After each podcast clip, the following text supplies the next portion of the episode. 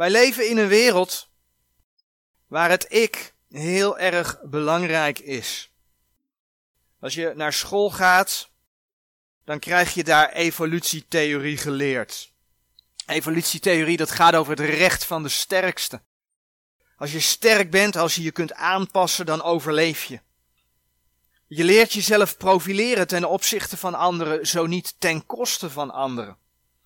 Zo maakt Paulus tegenover de Filippenzen, en dat vers zoeken we op, Filippenzen 2, vers 21, de, de volgende opmerking. Filippenzen 2, vers 21. Want zij zoeken allen het hunne, niet hetgeen van Christus Jezus is. Dat is Filippenzen 2, vers 21. Want zij zoeken allen het hunne, niet hetgeen van Christus Jezus is.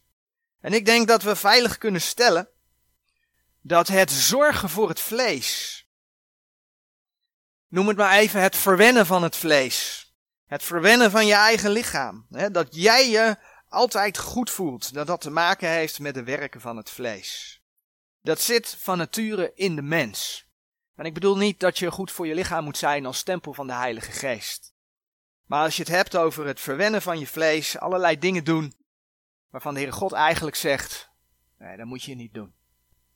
Dat moet je niet doen. Dingen waarvan je eigenlijk weet op de lange termijn gaat het ook niet goed. Dat kan niet goed voor je zijn. Het is niet voor niks dat God zegt, dat moet je niet doen. Ik bedoel, waarom zijn mensen tegenwoordig niet trouw aan elkaar? Waarom hoor je steeds vaker dat mensen met iedereen het bed induiken? Omdat ze uit zijn op een pleziertje voor dat moment. En daarmee houden ze geen rekening met wat een heilige God daarover laat zien in zijn woord. Allemaal gewoon eigen plezier. En dat is waar de mens op uit is. Als je Jezaja 5, vers 11 en 12 daarbij pakt, heel mooi omschreven, dan gaat het om eten en drinken. Dat is waar mensen mee bezig willen zijn. Mensen willen bezig gehouden worden zodat ze niet hoeven na te denken over de Heere God. En als dat dan goed voelt voor het vlees, nou, dan voelt het goed. Jezaja 5, vers 11 en 12. Wee degene die zich vroeg opmaken in de morgenstond, sterke drank najagen en vertoeven tot in de schemering, totdat de wijn hen heeft verhit. En harpen en luiten, trommels en pijpen en wijn zijn in hun maaltijden. We gaan lekker eten en uh, het moet gezellig zijn, muziek erbij. Maar zij aanschouwen het werk des Heren niet en zij zien niet op het maaksel zijner handen. Dat is de mensheid. Vorige week zagen we hoe Korach, Datan en Abiram wederspannig waren. Hoe zij opstandig waren tegen Mozes. En ook zagen we dat de allereerste opstand, en dan bladeren we naar Jezaja 12, dat dat een opstand van de duivel was. Een opstand van de duivel tegen God. En die versen die we vorige week gelezen hebben, over die eerste opstand, gaan we nogmaals lezen. Jezaja 14 vanaf vers 12. Hoe zijt gij uit de hemel gevallen, o morgenster, gij zoon des dageraads? Hoe zijt gij ter aarde nedergehouden, gij die de heidenen krenkt het? En zeid het in uw hart, ik zal ten hemel opklimmen. Ik zal mijn troon boven de sterren gods verhogen. En ik zal mij zetten op de berg der samenkomst aan de zijde van het noorden. Ik zal boven de hoogte der wolken klimmen, en ik zal de Allerhoogste gelijk worden. Ja, in de hel zult gij nedergestoten worden, aan de zijde van de kuil. Zien we hoe die opstand ontstaan is? De duivel heeft tot vijfmaal toegezegd, ik zal, ik, ik zal ten hemel opklimmen. Ik zal mijn troon boven de sterren gods verhogen. Ik zal mij zetten op de berg der samenkomst aan de zijde van het noorden. Ik zal de hoogte, uh, boven de hoogte der wolken klimmen. En ik zal de Allerhoogste gelijk worden. Vijfmaal een ik zal die tegen de Here ingaat. En waar werd dat besloten? Jezaja 14 vers 13 zegt het in zijn hart. Want het begon met, en zeid het in uw hart. Die ik-gerichtheid van deze tijd, van de mensheid, past dus helemaal bij de vijand van God. Daar ligt die oorzaak van die ik-gerichtheid. Ja, en het is de mens, de mens die, die zonder God is, die van nature onder die vijand valt. Efeze 2, vers 2 en 3, geen onbekende versen voor ons. Die zeggen dat ook. Daar ligt helemaal geen keuze aan ten grondslag. Als je als mens geboren wordt, Jezus Christus niet kent, dan sta je onder de macht van de overste van de macht der lucht. Efeze 2, vers 2 en 3. In welke gij eertijds gewandeld hebt naar de eeuw deze wereld, naar de overste van de macht der lucht, van de geest die nu werkt in de kinderen der ongehoorzaamheid, onder de welke ook wij alle eertijds verkeerd hebben in de begeerlijkheden onzes vleeses, doende de wil des vleeses en der gedachten. En wij waren van nature kinderen des torens, gelijk ook de anderen. En de Heer heeft ervoor gewaarschuwd dat die ik-gerichtheid, en dan bladeren we naar 2 Timotheus, zeker in de laatste dagen van de gemeente aan de orde van de dag zal zijn. 2 Timotheus 3, vers 1 en 2. En weet dit dat in de laatste dagen ontstaan zullen zware tijden. Want de mensen zullen zijn liefhebbers van zichzelf. Geldgierig, laatdunkend, hoogvaardig, lasteraars, de ouders ongehoorzaam, ondankbaar, onheilig. Ja, en dan gaan 2 Timotheus 3, eh, vers 3 tot en met 5 nog even verder. En dan zie je onder andere door vers 5 dat het niet eens zozeer eh, de wereld is, maar dat het de mensheid, de mensheid zonder God, maar juist hen die ja, in elk geval zeggen te geloven. Kijk maar in vers 5. Hebbende een gedaante van godzaligheid, maar die de kracht derzelfde verlogend hebben. Heb ook een afkeer van deze. Geldgierig zijn, wat we net lazen, dat doe je voor jezelf. Want je wilt niet delen, maar je houdt het voor jezelf. De ouders ongehoorzaam zijn, dat, dat doe je ook voor jezelf. Want jij wilt iets, terwijl je ouders hebben gezegd, nou, dat zou ik maar niet doen. Of jij wilt iets niet, terwijl je ouders hebben gezegd van, doe dat nou eens. Dus dat doe je voor jezelf. Alles draait om het ik. Mensen zijn liefhebbers van zichzelf. En ja, wat bewijst dat nu mooier, hè? Dat we juist in deze, deze laatste dagen van de gemeente, dat er iets moois is uitgevonden. Iets moois. Men noemt het een selfie. Ja, daar waar je vroeger een foto maakte van een ander. Want ja, die lens die zat hier en, en jij moest een foto maken. Dus je maakte een foto van een ander. Of je maakte een foto van iets anders. Daar druk je tegenwoordig op een knop. En dan draait de camera, zeg maar. En dan kun je heel mooi een foto van jezelf maken. En dat kun je dan op heel veel verschillende manieren kun je jezelf vastleggen. Kijk mij eens. En daar wordt gretig gebruik van gemaakt. En die selfies, hè, die worden dan vaak op zoveel mogelijk platforms getoond. En als het even kan, dagelijks, dagelijks aangepast. Hoezo? Liefhebbers van zichzelf. Het typeert de mensheid van deze tijd. En gelovigen doen er vaak net zo hard aan mee. Het ik. Het ik van de eindtijd, van de laatste dagen. Het mag duidelijk zijn dat de Heer de ik-gerichtheid, dat Hij dat niet gewild heeft. Dat Hij het niet wil. Hij waarschuwt er niet voor niets tegen. En tegenover Paulus' uitspraak in Filippenzen 2 vers 21, wat we gelezen hebben, Filippenzen 2, vers 21. Hadden we gelezen, uh, want zij zoeken alle het hunne, niet hetgeen van Jezus Christus is. Hè. Ze zijn bezig met, met wat van zichzelf is. Daar staat uh, Paulus' uitspraak in Filippenzen 1, vers 21. Filippenzen 1, vers 21. Want het leven is mij Christus en het sterven is mij gewin. Nou, Paulus is je als christen als voorbeeld gegeven. 1 Korinthe 11 vers 1. Weest mijn navolgers gelijk ook ik van Christus. Dus blijkbaar kan het anders. En dan komen we uit bij het feit dat de Heer in zijn woord spreekt over een gebroken hart. En over een verslagen geest. En dan zoeken we Psalm 34 vers 19 op. Psalm 34, vers 19. In Psalm 34, vers 19 lezen we: De Heere is nabij de gebrokenen van hart, en hij behoudt de verslagenen van geest. Als je die psalm in de context leest, dan lees je dat het daar in eerste instantie gaat om in, in deze oud-testamentische situatie fysiek behoud ja, in tegenspoeden, in moeilijkheden. Maar we mogen dat geestelijk zeker toepassen op het behoud van je ziel in deze tijd. De Heere laat in zijn woord zien, en dan ja, toch eerst gewoon een stukje evangelie. Laat zien dat de mens zondig is. Romeinen. Tekst ook bekend uit de Romeinenweg. Om mensen met, met het evangelie te confronteren. Romeinen 3 vers 10. Dat zegt gelijk geschreven is, er is niemand rechtvaardig, ook niet één. Niemand is rechtvaardig. En dat begon allemaal in het paradijs.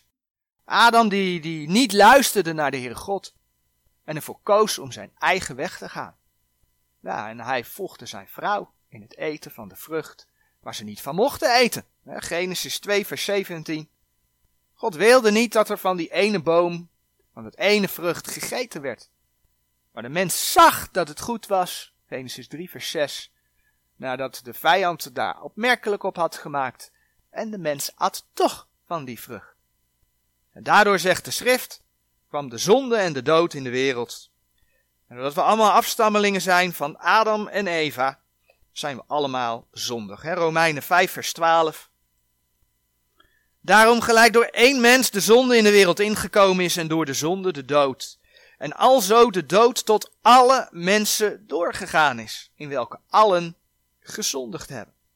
Ja, en als we eerlijk zijn, als we ons leven naast dat boek van God neerleggen, als we ons leven naast de Bijbel neerleggen, dan weten we gewoon dat het ons allen aangaat. We zijn allemaal zondig voor God. We kunnen niet uit onszelf staan voor een heilige God. Nou, de tekst die ik dan regelmatig op straat gebruik is Hebreeën 9 vers 27. En gelijk het de mensen gezet is eenmaal te sterven en daarna het oordeel. Tegenwoordig zijn er heel veel mensen die, die, die denken dat uh, via reïncarnatie dat ze in een, in een oneindige lust zitten en het iedere keer weer kunnen proberen en dan wel ergens een keer bij God uitkomen.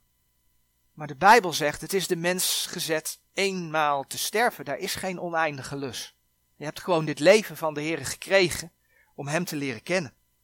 Dus je komt tekort. Je komt tekort als mens. Voor de Heere God kan niemand bestaan. En ook werken. Werken kunnen daar niet aan bijdragen. Ik kan nog zo mijn best doen. Het komt voor God tekort. Als we naar Titus bladeren. Titus 3. En dan lezen we een aantal versen vanaf vers 4. Titus 3 vanaf vers 4.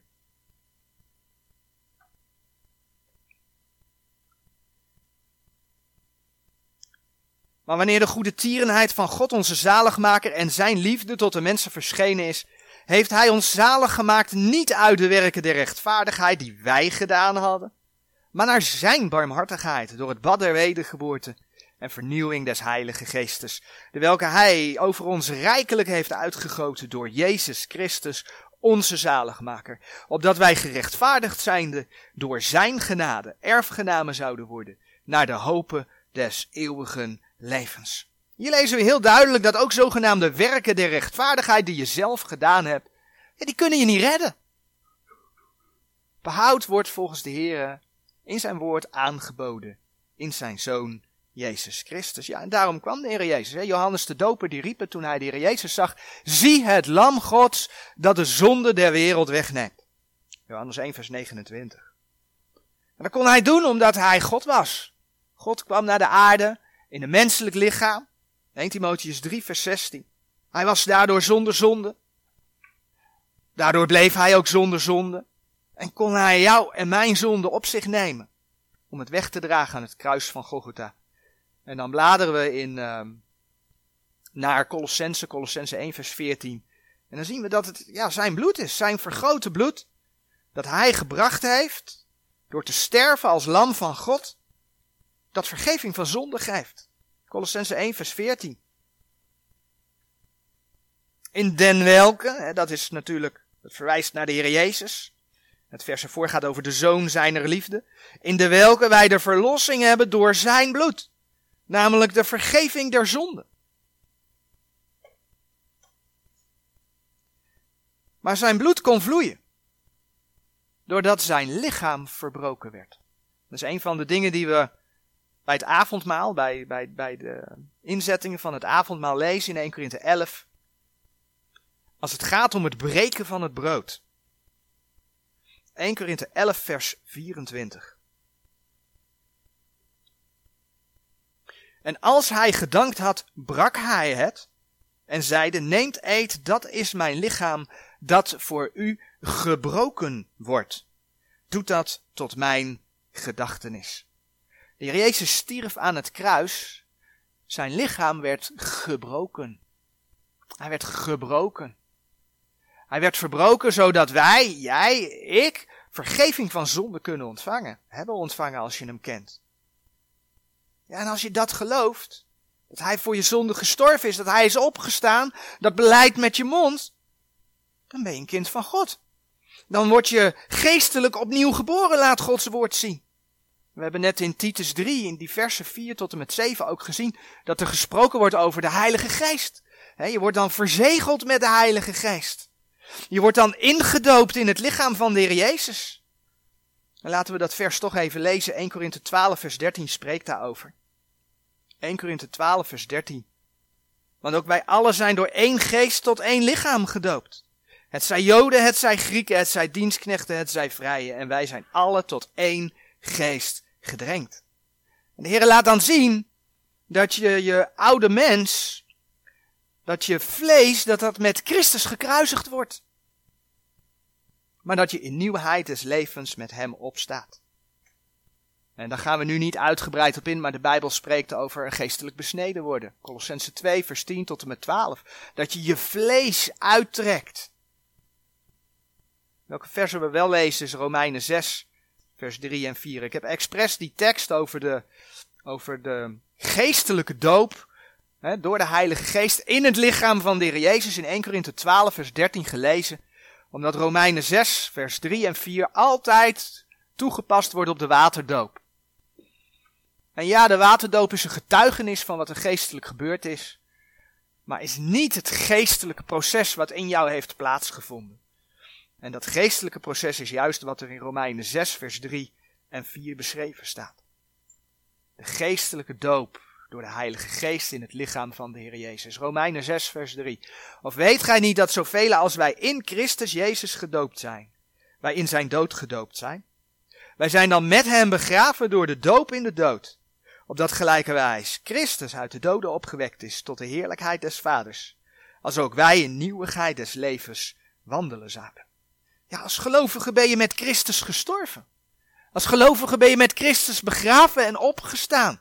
En niet omdat je gedoopt bent in water. Dat is een mooi getuigenis als je dat hebt laten doen. Maar omdat je geestelijk gedoopt bent door de wedergeboorte. Door de Heilige Geest. Dan wordt je oude mens gekruisigd met Christus. En dat betekent dus eigenlijk dat je zelf niet meer leeft. Dus ja, de Heer Jezus is voor jou gebroken, maar wat vraagt de Heer eigenlijk van jou? Dat jij verbroken wordt. Dat je je eigen ik opgeeft. En dat blijkt bijvoorbeeld heel mooi uit een vers als Galaten 2 vers 20. Galaten 2 vers 20.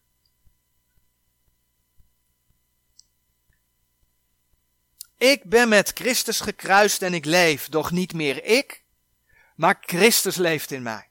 En hetgeen ik nu in het vlees leef, dat leef ik door het geloof des Zoons Gods, die mij lief gehad heeft en zichzelf voor mij overgegeven heeft. En ik leef, doch niet meer ik. Tot geloof komen is een verloochening van je eigen ik. En dat maakt het als je daarover nadenkt, ook zo moeilijk dat mensen die stap kunnen doen waarschijnlijk. Want je verloochent jezelf. Je zegt, ik kan het niet. Ik kan het niet. U kunt het wel. Het is een verloochening van je eigen ik. Het is eigenlijk een komen tot een verbreking van je eigen hart. Want in dat eigen hart staat van nature dat ik centraal. Dat zit in je vlees. Je accepteert dat je zondig bent ten opzichte van de heilige God. Je accepteert dat je uit jezelf niet tot God kunt komen. Je accepteert dat je werken dat niet bij God kunnen brengen.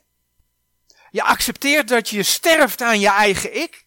En je accepteert dat het Jezus Christus is die alles voor jou volbracht heeft. dat hij het wel kon. Jij niet, maar hij wel.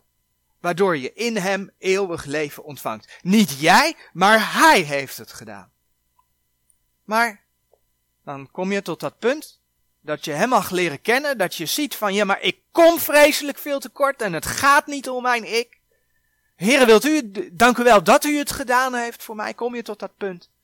En betekent dan dat je als gelovige nooit meer zondigt? Dat je je oude ik dusdanig begraven hebt dat het zijn kop niet meer opsteekt? Nee, er is niet voor niets strijd. Strijd tegen het vlees. De Heer waarschuwt daar op diverse plekken voor in zijn woord. Hij roept op om de zonde voor dood te houden. We hebben twee versen uit Romeinen 6 gelezen. Nou, Romeinen 6, vers 11 en 12, die gaan daarover. Dat je je vlees, dat je de zonde in je vlees voor dood houdt. En dat je die zonde niet laat heersen in je lichaam. Dus als je niet voorzichtig bent, dan steekt dus met dat vlees de oude ik-gerichtheid gewoon weer de kop op. En dan kom je dat gewoon tegen. Onder gelovigen. Dat zie je in de gemeente ook. En het is niet voor niets dat Paulus de gemeente in de laatste dagen waarschuwt dat men liefhebbers van zichzelf zal zijn. 2 Timotheus 3 vers 2. We hebben het vers gelezen. Liefhebbers van zichzelf. Een voorbeeld in Handelingen 5. Lezen we de geschiedenis van Ananias en Safira.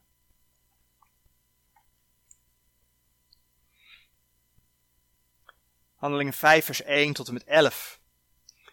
Je leest dat in, in, in, in, in de beschrijving van de geschiedenis van de gemeente in de begintijd. En omdat het de beschrijving van de gemeente is, is er ook alle reden om aan te nemen dat Ananias en Safira echt wel kinderen van God waren. En toch lezen we dan over hen dat zij een, een, een bezitting verkochten. En net deden of ze al het geld aan de apostelen gaven. Maar ze hielden wat achter. Ze hielden wat achter. En dat hadden ze samen afgesproken. Dat hadden ze samen afgesproken. Nou, omdat ze op die manier tegen de Heer gelogen hebben, laat dat gedeelte in handelingen zien dat ze beide stierven. Maar waar begon dat alles? Ja, dat begon in hun hart. Handelingen 5, vers 3 en 4. En Petrus zeide Ananias, waarom heeft de Satan uw hart vervuld? Dat gij de Heilige Geest liegen zoudt en onttrekken van de prijs des lands. Nou, wordt gewoon tegen gelovigen gezegd. Waarom heeft de Satan uw hart vervuld? Zo het gebleven waren, bleef het niet, uh, bleef het niet uw. En verkocht zijnde, was het niet in uw macht. Wat is het dat gij deze daad in uw hart hebt voorgenomen? Gij hebt de mensen niet gelogen, maar goden. Ananias en Safira waren dus niet met de heren bezig, maar met hun eigen aanzien, met hun eigen portemonnee ook. Ze waren ik gericht en daardoor kon de Satan hun hart vervullen en de heren straften. Een hele andere geschiedenis gaat over David. David die volgens de wet, laden we ondertussen naar 2 Samuel, 2 Samuel 12. David die volgens de wet wel degelijk de doodstraf verdiend had. En waarom had hij de doodstraf verdiend? Ik denk dat we allemaal de geschiedenis van David en Batsheba kennen. Dat David uh, overspel met haar pleegt. En niet alleen overspel uh, gepleegd heeft met haar, maar vervolgens ook nog een keer haar man om het leven brengt. Zodat ze de zonde tussen hem en Batsheba niet aan het licht zou komen. ze proberen de zonde te verbergen.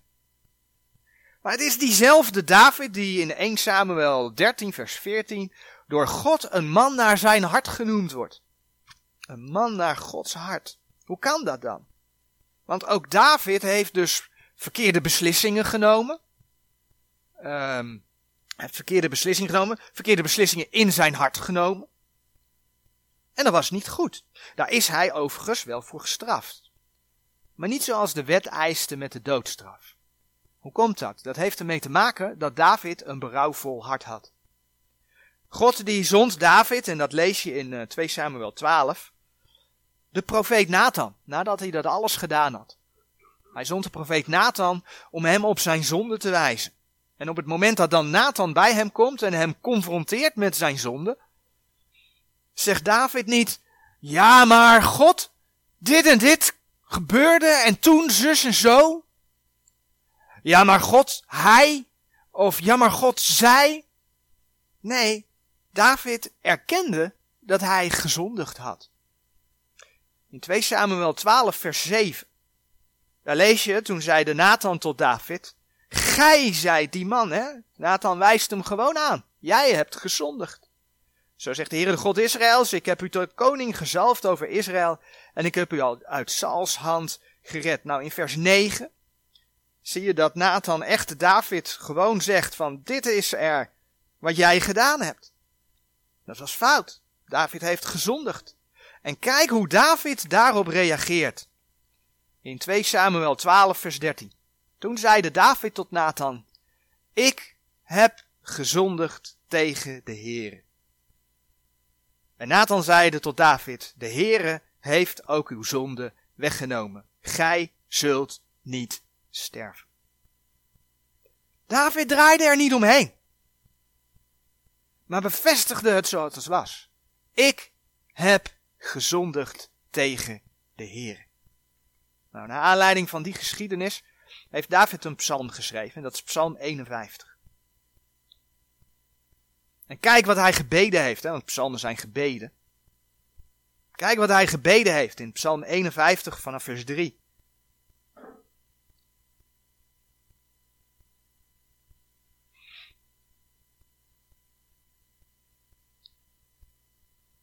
Zijt mij genadig, o God, naar uw goede tierenheid.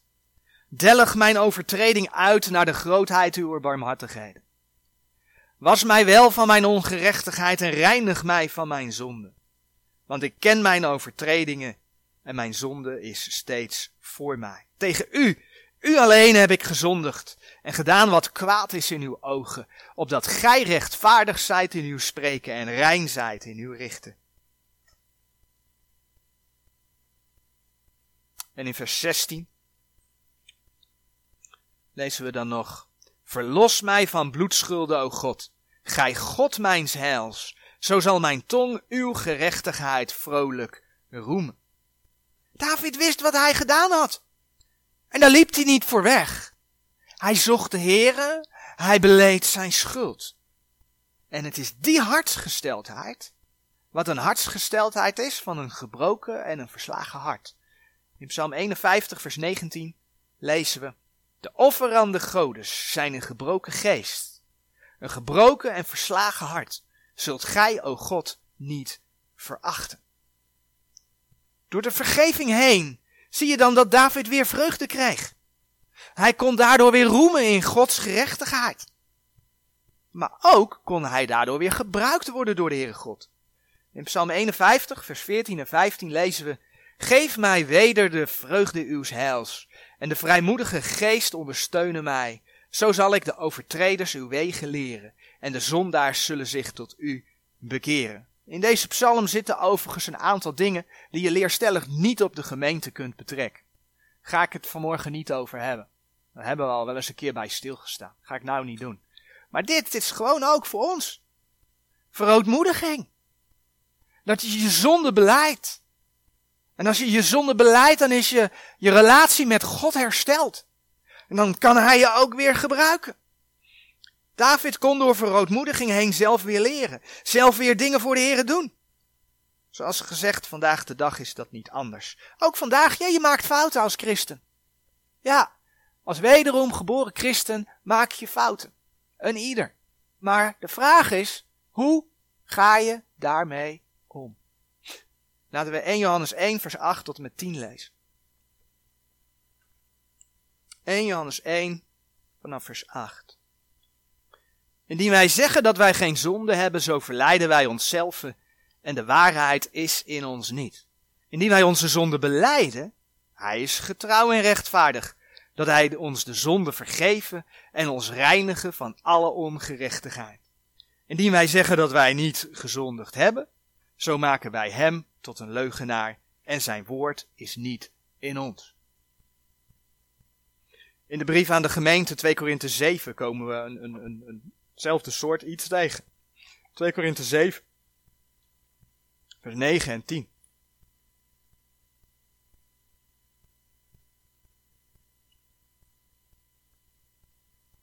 Nu verblijd ik mij niet omdat gij bedroefd zijt geweest, maar omdat gij bedroefd zijt geweest tot bekering. Want gij zijt bedroefd geweest naar God, zodat gij in geen ding schade van ons geleden hebt. Want de droefheid naar God werkt een onberouwelijke bekering tot zaligheid, maar de droefheid der wereld werkt de dood. Ja, de verkondiging, dat zorgt soms voor droefheid. Dat lees je ook hier. Dat was droefheid, omdat Paulus mensen moest aanspreken op hun zonde. Maar dan is wel de vraag, hoe ga je daarmee om? Als je dan tot bekering komt, door een droefheid naar God, en niet denkt van, oh, als ik dit stapje nou anders had gedaan, dan was het misschien niet zo gelopen en dan kunnen we gewoon verder. Nee, een droefheid naar God, heren, ik heb het fout gedaan. Vergeef mij. Dat geeft een onberouwelijke bekering, staat er dan. Zien we hoe belangrijk een juiste hartsgesteldheid is. Een hart dat zich klein weet ten opzichte van de Heere God. Een hart dat, als het ongerechtigheid voorgehouden wordt, zich niet omdraait en net doet alsof het er niet is. Alsof er niets aan de hand is. Maar een hart dat zegt, ja heren, vergeef mij. Dat is een verbroken en een verslagen hart. Dat is een hart dat je als gelovige nodig hebt. En ik wil dan ook afsluiten met de vraag. Kun je voor jezelf met Paulus zeggen, want het leven is mij Christus. En niet want het leven is mij ik. Nee, het leven is mij Christus. Het leven is mij Christus en het sterven is mij gewin. Filippenzen 1, vers 21. Amen.